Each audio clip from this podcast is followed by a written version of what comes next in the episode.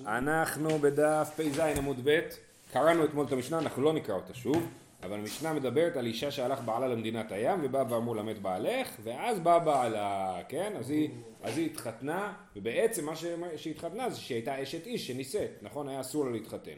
עכשיו, בסיפא של המשנה כתוב, אה, אם נישאת ברשות, אה, שנייה, אם נישאת שלא ברשות, מותרת לחזור לו. זאת אומרת, אם אישה... הלך בעלה למדינת הים והתחתנה אז, אז, אה, אז, אה, יש לה עונש חמור, נכון? אה, לא אין לה לא כתובה, לא פירות, לא מזונות וכולי. אבל אם היא נישאת שלא ברשות, מותרת לחזור לו. מה זאת אומרת? איך זה יכול להיות שנישאת שלא ברשות זה יותר קל מאשר נישאת ברשות? אומרת הגמרא, לדקתה נישאת נישאת שלא ברשות מותרת לחזור לו, מה הכוונה? שלא ברשות בית דין אלא בעדים. מה הכוונה שנישאת שלא ברשות? הכוונה היא שלא היה צריך פה בית דין בשביל להתיר לה, כי פשוט באו שני עדים ואמרו שבעלה מת. אז היא לא הייתה צריכה בית דין, לא סמכה דעתה על בית דין, ולכן היא נישאת שלא ברשות, היא הייתה אנוסה, כי שני עדים באו ואמרו מת בעלך, אז היא פשוט הקשיבה לשני עדים כמו שאמורים להקשיב לשני עדים, ואז זה נחשב אונס, כיוון שזה נחשב לאונס, אז אנחנו לא מענישים אותה ולכן מותרת לחזור לבעלה הראשון, מותרת לחזור לו, כן? מכלל, אם ככה יוצא שהרישא היא לא בשני עדים, אלא מכלל דרישא ברשות בית דין ובעד אחד. סימן שברישא הכוונה היא שהיא נישאת בעד אחד וברשות בית דין, שהיה צריך בית דין שיגידו שאנחנו סומכים על העד האחד הזה והם מתירים אותה להינשא.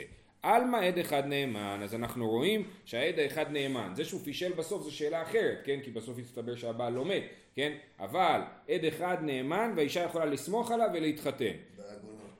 אה, שנייה, רגע, הגמרא עוד לא אומרת את זה.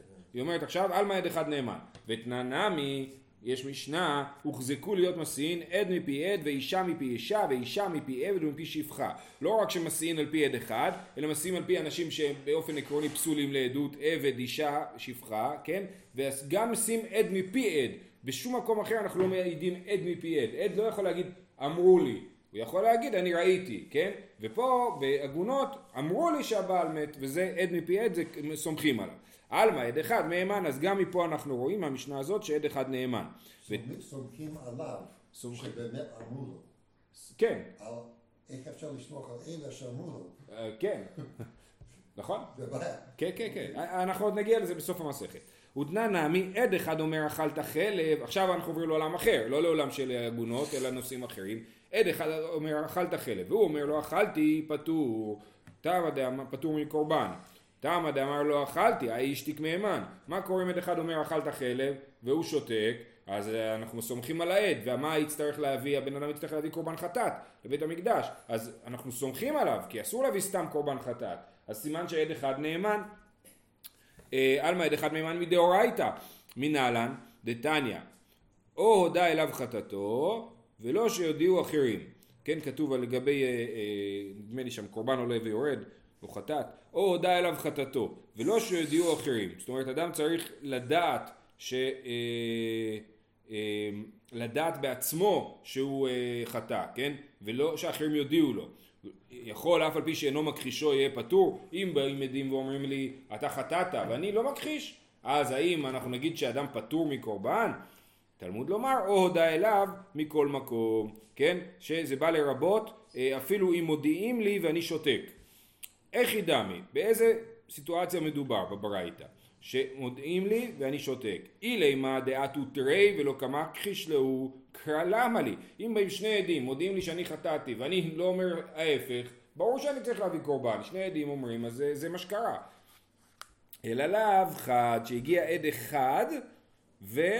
אמר לי ואני שותק וכאילו כמה חישלי מהימן. שמע מנהד אחד נאמן יופי אז מה המקור לזה שעד אחד נאמן מהפסוק או הודה עליו חטאתו שאנחנו אומרים שמי הודה עליו חטאתו אנחנו לומדים שאפילו אם עד אחד בא ואומר לי משהו שעשיתי ואני שותק אז העד אחד נאמן סימן שעד אחד נאמן אומרת הגמרא לא נכון וממאי דמשום דמהימן דין משום דקשתיק ושתיקה כהודאה דמיה אולי הדין שאני חייב קורבן כשהעד אחד מעיד עליי זה לא בגלל שאני אומר שהעד נאמן אלא בגלל שתיקה כהודאה. זה שאני שותק אני מודה לו אז בעצם אני אומר שחטאתי כן? בזה שאני שותק. ולכן אני צריך להביא קורבן. אבל אם אה, אה, לא הייתי אומר שתיקה כהודאה אז העד האחד בעצמו לא היה מחייב אותי קורבן תדע, חייבים להגיד שזה באמת נכון, שבגלל שתיקה כהודאה ולא בגלל שעד אחד נאמן, דקתני סיפא סוף הברייתא אומרת, אמרו שניים, אכלת חלב, באו שני עדים, אמרו שאני אכלתי חלב, והוא אומר לא אכלתי, פטור. רבי מאיר מחייב, כשיש ויכוח בינו לבין שני עדים, איך זה יכול להיות שהוא פטור, כן? הרי שני עדים זה המציאות, כן? יש לנו בכלל, באופן כללי ביהדות, אנחנו חושבים שכששני עדים אומרים משהו זה ברזל, זה, זה מה שקרה. ולא אכפת לי אם זה קרה או לא קרה, שני עדים אמרו, אז זה מה שקרה, כן? אז איך זה יכול להיות שפטור? אמר רבי מאיר, קל וחומר. אם הביאו שניים לידי חימיתה חמורה, לא יביאו לידי קורבן קל, הרי אם שניים מעידים עליי שאני עשיתי עבירה במזיד, חיללתי שבת במזיד, אז אני חייב מיתה. אז אם מעידים עליי שאני אכלתי בשוגג, מה, אני לא אהיה חייב חטאת?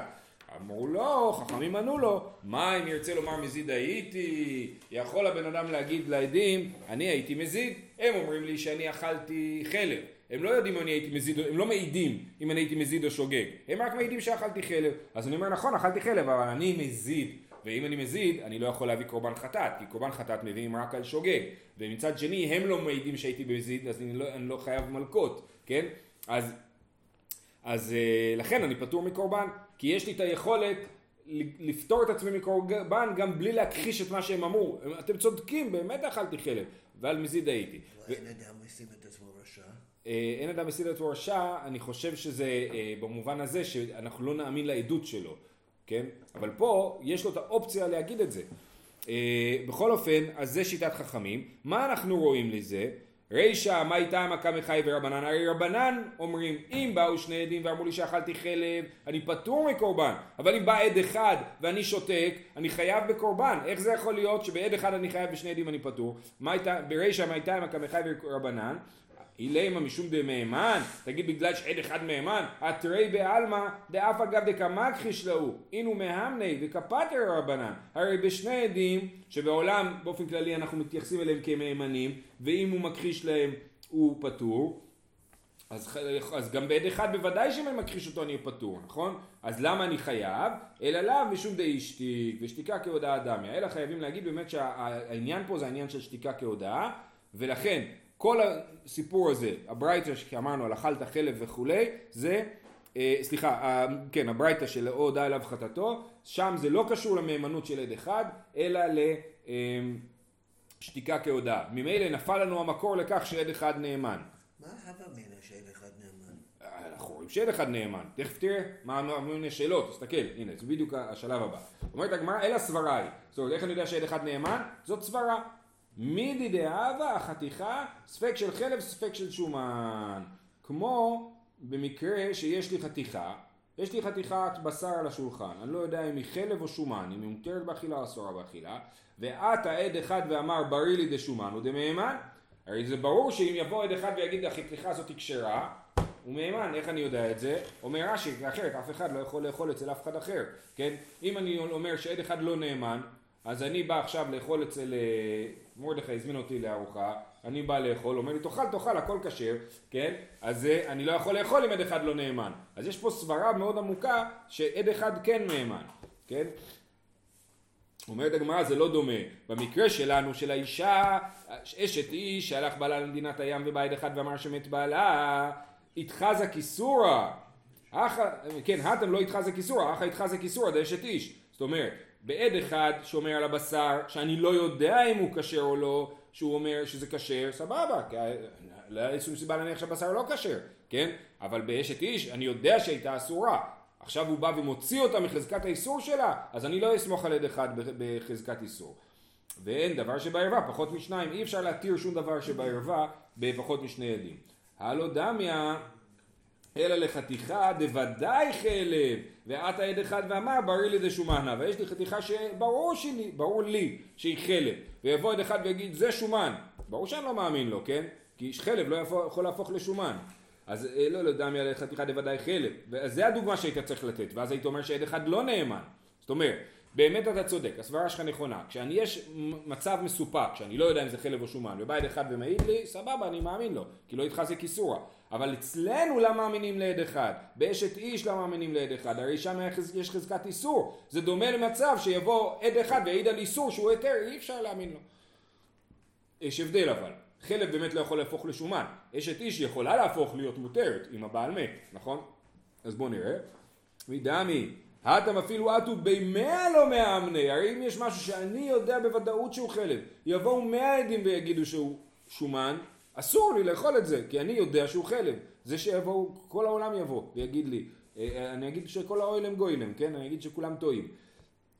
אה, אחא כיוון דבעתו, אבל, אבל באשת איש, כיוון דקיעתו ביתר מאמני, חד נמי לאמני, כן? אז באשת איש, כמו שאמרנו, אם יבואו שני עדים ויגידו שהבעל מת בוודאי שהם נאמנים, אז גם אחד יהיה נאמן, מידי דהבה, התבל, הקדש וקונמות. תבל, הקדש וקונמות זה שלוש דברים שבאמת הם במצב של, שהם יכולים להשתנות, הם יכולים להפוך מאיסור להיתר. תבל כן? זה אה, תרומה, אה, נכון, אה, יבול שעוד לא הפרישו ממנו תרומות ומעשרות, אם יבוא עד אחד ויגיד שהפרישו ממנו תרומות ומעשרות, אז הוא נאמן, אז גם באשת איש נגיד את זה. אומרת הגמרא, אי תבל איכי דמי, אי דידי, ושוב, אנחנו הכל מצד הסברה אנחנו מדברים. ברור שאם אדם יגיד לי שהתבל מתוקן, אני מאמין לו, אז גם. ותבל זה חזקת איסור, הרי זה עכשיו אסור לאכול את התבל, והוא אומר לי שהוא, שזה מתוקן, אני מאמין לו, אז גם באשת איש, שאומרים לי שזה מתוקן, שהיא מתוקנת, שהיא כבר לא אשת איש, אני אאמין לה. אומרת הגמרא, איך היא דמי? בוא נראה, אתה רוצה להשוות לתבל, מה בדיוק ההשוואה? אידי די, אם זה התבל שלי, ואני מעיד על התבל שלי שהוא כשר, משום דבידו לתקנו, אני מאמין לו אני, אני מאמין כי הבן אדם שמעיד יכול לתקן את זה, אז הוא אומר, אני הפרשתי תרומות ומעשרות, או אפילו אומר מישהו אחר הפריש בשבילי, זה לא משנה. כיוון שאני יכול לתקן, אז אני מאמין ה... כשהוא, כשהוא אומר שהוא מתקן. אלא דאחר, מדובר על תבל של אחר, אני בא ואומר התבל שלו הוא כשר, אני לא יכול, אז עכשיו זה תלוי במחלוקת. איכא סבר? איכא סבר תורם משלו על של חברו, אינו צריך דעת בעלים, משום בידו לתקנו. ואיכא סבר צריך דעת בעלים, ואמר אנא ידענה בידי מתקן, היא גופה מנהלן. אז יש לנו מחלוקת. אנחנו אמרנו אתמול או שלשום, שאדם לא יכול להפריש תרומה ומעשר של מישהו אחר, oh. כן? מה המחלוקת? המחלוקת היא אדם יכול להפריש משלו על של חברו. לך יש תפוחים תבל ולי יש תפוחים תבל, אז אני אגיד וואלה אני מפרגן לך, אני יודע, אני לא בטוח שאתה תעשה את זה. אז אני אפריש תרומות ומעשרות מהתפוחים שלי על התפוחים שלך. אפשר, אפשר לעשות את זה או לא, זה מחלוקת. תורם משלו על של חברו, אינו צריך דעת בעלים. אז מי שאומר שתורם משלו על של חברו אינו צריך דעת בעלים, אז למרות שהתבל לא שלי, עדיין בידי לתקן את זה, כי אני יכול לתקן את זה באמצעות התפוחים שלי, נכון? ולכן... התפוחים פה שם... אה, שאלה טובה, אולי, אולי הכוונה היא שאני הולך עם התפוחים, ואני מביא קילו תפוחים, לך יש 100 קילו, אני מביא 100, קילו מהבית ומתקן. אמ, אתה צודק, אין תור מן אלא מן המוקף. אמ, אז איכא סבר תורם משלו עד של חברו אינו צריך לדעת בעלים משום בידו לתקנו. אז לכן אני מאמין לו. ואיכא סבר צריך דעת בעלים ואם אני אומר באמת בן אדם לא יכול לתקן את התבל של חברו בשום מצב אלא אם כן הוא מינה אותו לשליח ואמר אנא ידענה בי דמתקן אז מה בא עד אחד ואומר? אני לא יכול להפריש ממנו תרומות עושות אני יודע שזה מופרש אני יודע שזה מתוקן כן היא גופה מנהלן. מי אמר שמאמינים לו במצב כזה? אז אתה אומר, האשת איש הזאת, למה היא דומה? היא דומה למקרה האחרון, למקרה שאני אומר שאין בידו לתקנו, אין שום דרך שהעד יכול לתקן את האישה. אנחנו לא אומרים שהוא חשוד ברצח, נכון? הוא לא יכול להרוג את הבעל, כן? אז הוא לא יכול לתקן את האישה. אז לכן התבל דומה, אשת איש דומה למקרה של התבל שאי אפשר לתקן אותו, ובאמת מי אמר שאני מאמין לעד הזה? יכול להיות שאני לא מאמין לעד אחד שאומר על זה, אה, על התבל. ולכן, אה, אה, לכן זה לא מוכיח כלום, כי באמת מי אמר שזה מותר. הקדש נמי, גם הקדש, אם משום קדוש, אי קדושת דמים, יש לי שתי סוגים של הקדש, קדושת דמים וקדושת הגוף. קדושת דמים זה אה, אומר שהדבר הזה מוקדש לבית המקדש, ובית המקדש ימכור את זה ו- ויעשה משהו עם הכסף, כן? אז גם אני יכול לפדות את זה בעצמי. אם אני הקדשתי משהו שהוא לא הולך לקורבן, הקדשתי כיסא לבית המקדש, אני יכול לפדות את הכיסא ולהביא כסף לבית המקדש, נכון? אז, אז הקדש, אז זה קדושת דמים. אי קדושת דמים, בידו לפדותו, אני יכול לפדות את זה, אז זה בידי, לכן מאמינים לי.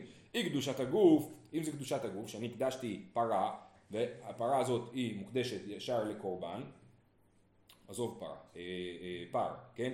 אז היא קדושת הגוף, אז אני לא יכול למכור אותה ולפדות אותה, אז אין בידי. אי דידי אז יש את הפרה שלי שאני הקדשתי לקדושת הגוף, אז, אז אם זה באמת שלי, אז עדיין אני יכול לת- לתקן את זה כאילו, איך אני יכול לתקן את זה? משום דבידו ליצ'ולי עלי, אני יכול להישאל עליה, זאת אומרת ללכת לחכם ולהגיד אני מתחרט על ה... להתשאל מלשון, כן, ליצ'ולי מלשון שאלה, שאני יכול להתחרט על הדבר, כמו התרת נדרים, כן? אם משום דידי, משום דבידו ליצ'ולי, אז זה בידי, כיוון שזה בידי, אני, אז אני נאמן.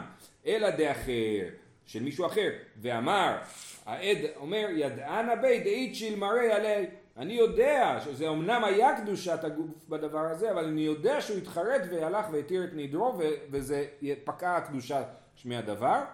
היא גוף אמינהלן, מי אמר שמאמינים לו? קונמות, קונמות זה דומה להקדשות, קונמות זה נדרים. ואם הבעל שותק, שאלה, פה אנחנו מדברים כאילו הבעל הבית לא פה, נכון?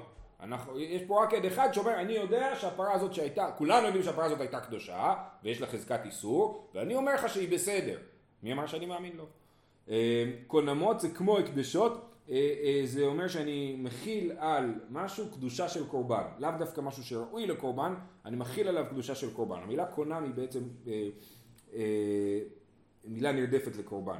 אז קונמות, גם כן אותו דבר. נמי, איכא סבר יש מעילה בקונמות וקדושת דמים נחתה לו משום דיבדו לפדותו. אז יש מחלוקת האם קונמות ממש נכנסים להיות גדר של הקדש ואפשר לפדות אותם, או אי אפשר לפדות אותם.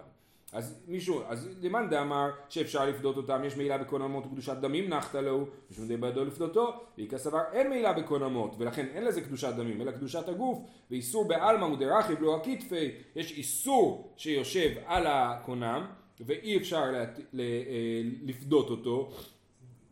ידידי, שוב פעם, משום דבידו ליצ'ולי אלה, אם זה הקונם שלו, הוא יכול להתחרט על זה, אלא דאחר, ואמר אנא ידענא דאיצ'יל מרי עלי, היא גופא מנהלן, שוב פעם, מי אמר שמאמינים לו?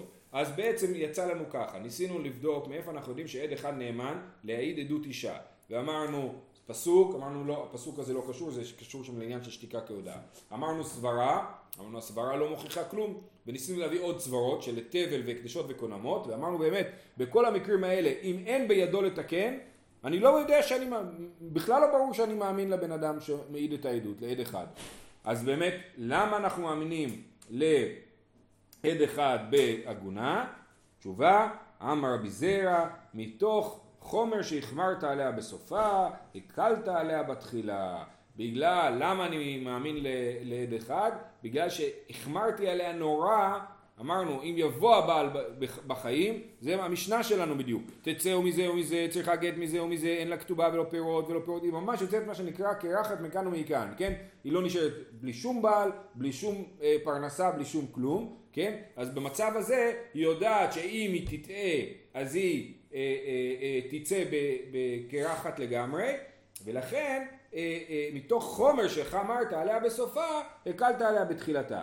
אני קורא רש"י, הקלת, אה, חומר שהחמרת עליה בסופה, שאם בבעלה אתה נותן עליה כל הדברים האלו שבמשנתנו, הקלת עליה בתחילה, להתירה להינשא, מפני שהיא חוששת שמא תתקלקל, ולא מנס בה עד דבדקה שפיר, היא בעצמה, גם אם אני אתיר לה להתחתן, היא לא בהכרח תלך מחר ותתחתן, היא תתחתן רק כשהיא תהיה משוכנעת שבאמת היא יכולה להתחתן, ולכן אנחנו מאמינים לעד אחד, במקרה הזה כי יש לנו כאילו מצטרף לזה הדייקנות של האישה. אה, אומרת הגמרא לא ליחמר ולא ליקל, מה, למה אתה עושה ככה? תגיד, באמת זה לא כזה חמור אם היא התחתנה, ולא תצטרך להקל עליה גם בהתחלה ולהגיד שאתה סומך על עד אחד.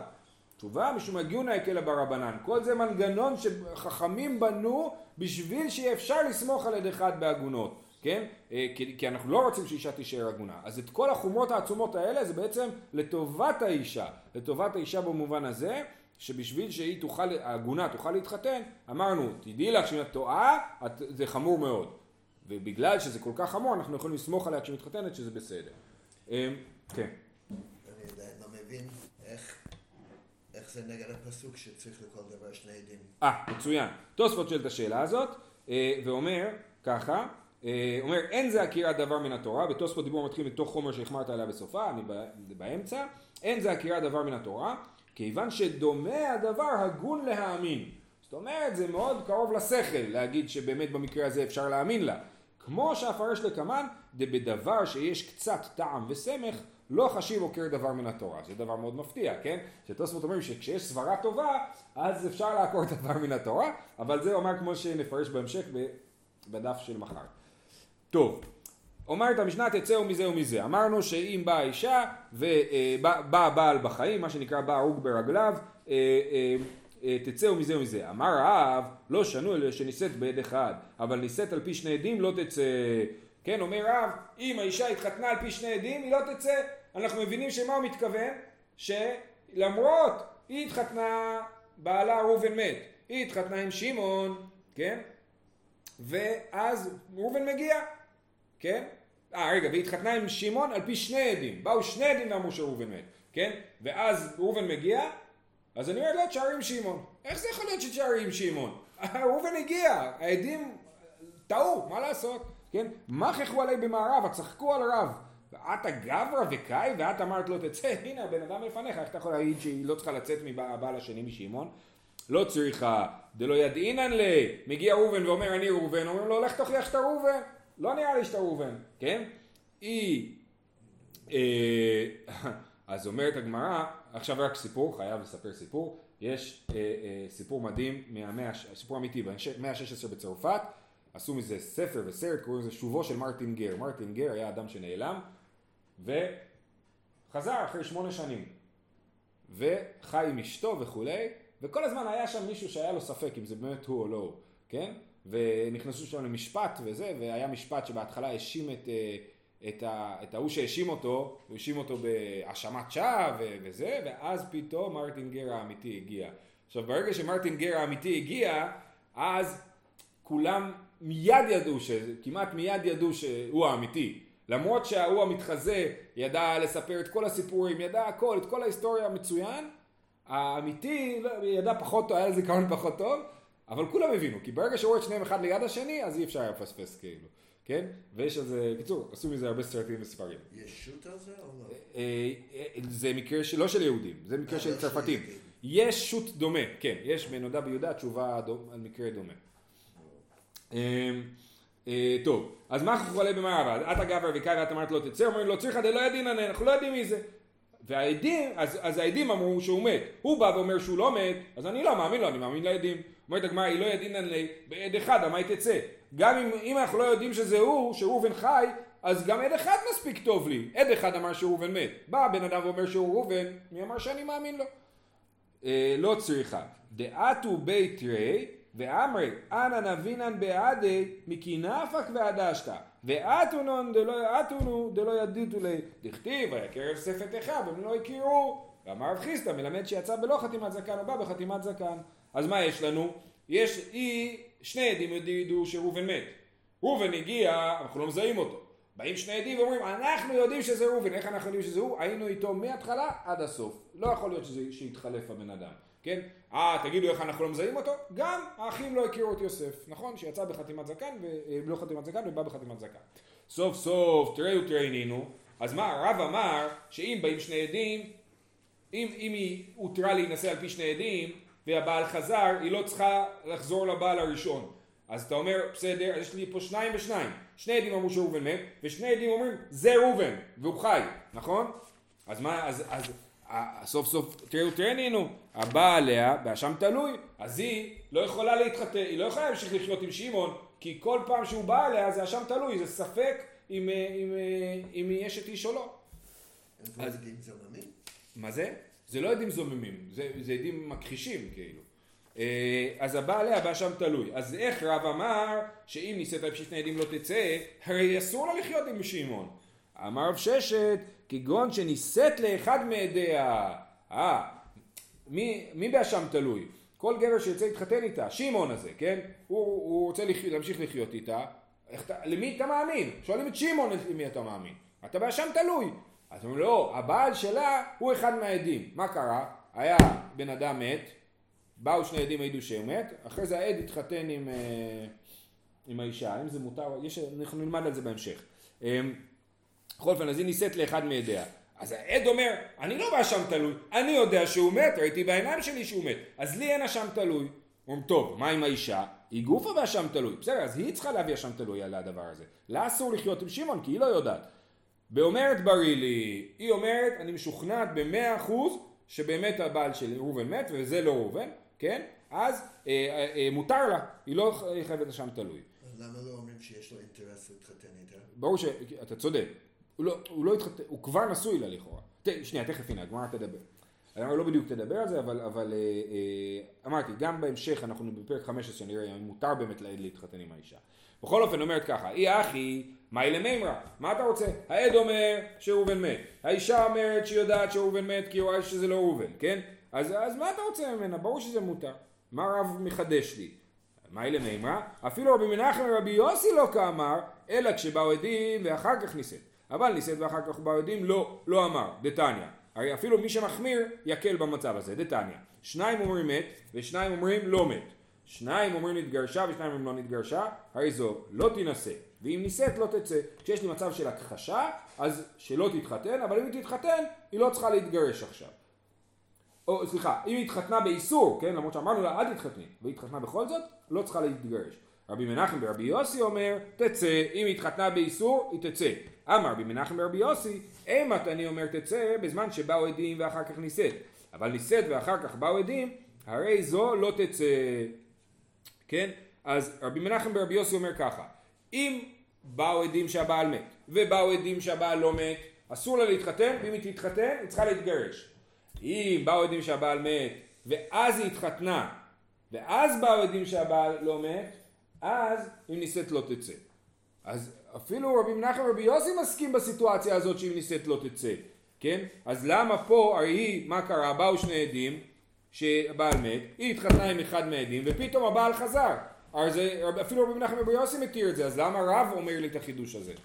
אה, זה מה שמקבלים את העדות שלהם, אם מקבלים העדות שלהם, זה תלוי באם היא התחתנה כבר. לא, לא, לא, לא, לא. לא. השאלה אם, אם אנחנו מכריחים אותה להתגרש. אנחנו אומרים, אין לנו כוח מספיק להכריח אותה להתגרש, כי אנחנו לא יודעים מה המציאות. יש לנו סתירה בין שני עדים ושני עדים. אמ, אז הוא אומר, כי כמה רב נמי בזמן שבאו עדים ואחר כך נישאת. להפוקי מדי רבי מנחם ברבי יוסי. זאת אומרת, באמת החידוש של אה, אה, רב הוא, שאנחנו לא פוסקים כרבי מנחם ורבי יוסי, ואפילו אם קודם באו שני העדים, ואז היא מתחתנת, זה מותר, אה, היא לא תצא, למרות שאסור להתחתן היא לא תצא, כי אה, כי להפוק מדי רבי מנחם, כי הוא לא פוסק רבי מנחם ורבי יוסי. ואיכא דאמר, ויש כאלה שאומרים להפך, דווקא הוא בא להגיד שכן, ההלכה היא כמו רבי מנחם ורבי יוסי, תמה דנישאת ואחר כך באו עדים. אבל באו עדים ואחר כך נישאת תצא, כמען כרבי מנחם ורבי יוסי. זאת אומרת, באמת מה שרב בא להגיד זה שאנחנו פוסקים הלכה כרבי מנחם ורבי יוסי. אז לסיכום, ראינו שאמר רב לא שנו אלא שנישאת בעד אחד, אבל נישאת בשני עדים לא תצא. אז אמרנו שזה, אה, אה, הכוונה היא כשיש לנו סתירה בין שני עדים ושני עדים, ויש לנו שתי לישנות ברב. או שהכוונה היא שבאו השני עדים אה, אה, אה, לפני שהתחתנה, או שבאו שני ילדים אחרי שהתחתנה, וזה תלוי אם אנחנו אומרים שרב פוסק רבי מנחם ברבי יוסי, או חולק עליו. מה טיב רבה? מניין שאם לא רצה דופנו. דופנו זה להרביץ לו, כן? אה, אה, אז הכהן, הוא, לא, הוא התחתן עם גרושה, אני מרביץ לו עד שהוא מגרש אותה. תלמוד לומר, וקידשתו בעל כורחו, כן? כי קידשתו כי את לחם אלוקיך ומקריב, בעל כורחו אתה מקדש אותו, זאת אומרת, אתה מכריח אותו להתגרש ממנה. היכי דמי, איזה סיטואציה מדובר? אילי מה דלא נישאת לאחד מידיה, ולא כאמרה ברי לי, צריכה למימר דדופנו, כן? אז אנחנו שואלים מתי אנחנו מכריחים לצאת, נכון? זה בעצם היה השאלה, מתי אנחנו אומרים לה אם נישאת תצא. אם היא לא התחתנה עם אחד מהעדים, והיא לא אמרה בריא לי, ברור שאנחנו מוציאים אותה מבעלה, בגלל שכמו שאמרנו, הבעל זה באשם תלוי. אלא לאו דנישאת לאחד מעדיה, חייבים להגיד שמדובר שהתחתנה עם אחד מהעדים. וכאמרה בריא לי, על זה מדובר שאנחנו אומרים שהיא צריכה לגרש וקטני דופנו. זאת אומרת אפילו אם נישאת לאחד מעדיה, אנחנו עדיין אומרים אם לא רצה דופנו. עלמא מפקינן למיני. תשובה, לא, מה אתה מביא לי פה מכהנים? כהנים זה סיפור אחר. איסור כהונה, שאני, לכהנים אנחנו, יש לנו את הדין של וקידשתו. אבל על אישה רגילה שנמצאת בתוך סיטואציה שהיא מבחינתה מותר לה, ולבעל מבחינתו מותר לו כאחד מהעדים, אז באמת אנחנו לא מכריחים אותם להתגרש. והיא בעת אימה, מהי דופנו? דופנו בעדים. מה זאת אומרת דופנו? זה לא להרביץ לו, אלא דופנו בעדים, זאת אומרת בית דין חייב להיכנס לתוך לעובי הקורה ולמצוא עדים שיצילו את המצב. והיא בעת אימה, כשבאו עדים ואחר כך נישאת, ורבי מנחם ורבי יוסי, אפשר להגיד שהברייתא הזאת שאומרת אם לא רצה דופנו זה לשיטת רבי מנחם ברבי יוסי בסיטואציה שקודם באו עדים ואחר כך נישאת שרבי מנחם ברבי יוסי אומר שתצא. אז מה שכתוב שמכריחים לגרש אמרנו או שמדובר על כהן או שמה הכוונה עם מכריחים? הכוונה עם מכריחים את הבית דין למצוא באמת לברר מה האמת בסיפור הזה אופציה שלישית זה נכון מכריחים לגרש לשיטת רבי מנחם ברבי יוסי אם קודם באו העדים ואחר כך היא התחתנה. ומשפט אחרון להיום, רב אשי אומר, מהי לא תצא דקאם הרב? לא תצא מהיתרה הראשון. לא, לא הבנו נכון בכלל את כל מה שרב אמר. תמחקו את כל מה שלמדנו. מה שרב אמר, שאם לא שנו אלא שנישאת בעד אחד ונישאת על פי שני עדים לא תצא, הכוונה היא שאם נישאת על פי שני עדים, היא לא תצא מהיתרה הראשון, זאת אומרת היא חוזרת לבעל הקודם. זה המקרה. בא הבעל, זה הבעל, כולם מזהים אותו ואין על זה ויכוח, אז היא חוזרת לבעל הקודם. בגלל שהיא סמכה על שני עדים, אז היא לא צריכה עכשיו, אין עליה את הדין של תצא מזה או מזה. כן, לא תצא מהיתרה הראשון, ככה רב אשי מסביר. שואלת הגמרא, אמרה רב חדא זימנא, דתנן, נישאת שלא ברשות, מותרת לחזור לו, ואמר רב הונא, אמר רב, אחי הלכתה. כן, אז רב אמר שזאת ההלכה, שנישאת שלא ברשות, מותרת לחזור לו. אז הנה רב אמר את זה. תשובה, חדא מכלל דחברתא איתמר, זאת אומרת, באמת אה, אה, אה, רב אמר את זה פעם אחת וזה פשוט שתי אמוראים שונים העבירו הלאה את הדברים בנוסחים אחרים. פעם אחת זה שרב אמר אחי הלכתה, והפעם השנייה זה שאמרו אמר רב לא שנו אלא שנישאת ביד אחד, אבל נישאת על פי שני עדים לא תצא. זהו, עד כאן להיום, של כולם חג שמח, חג מתן תורה, להתראות.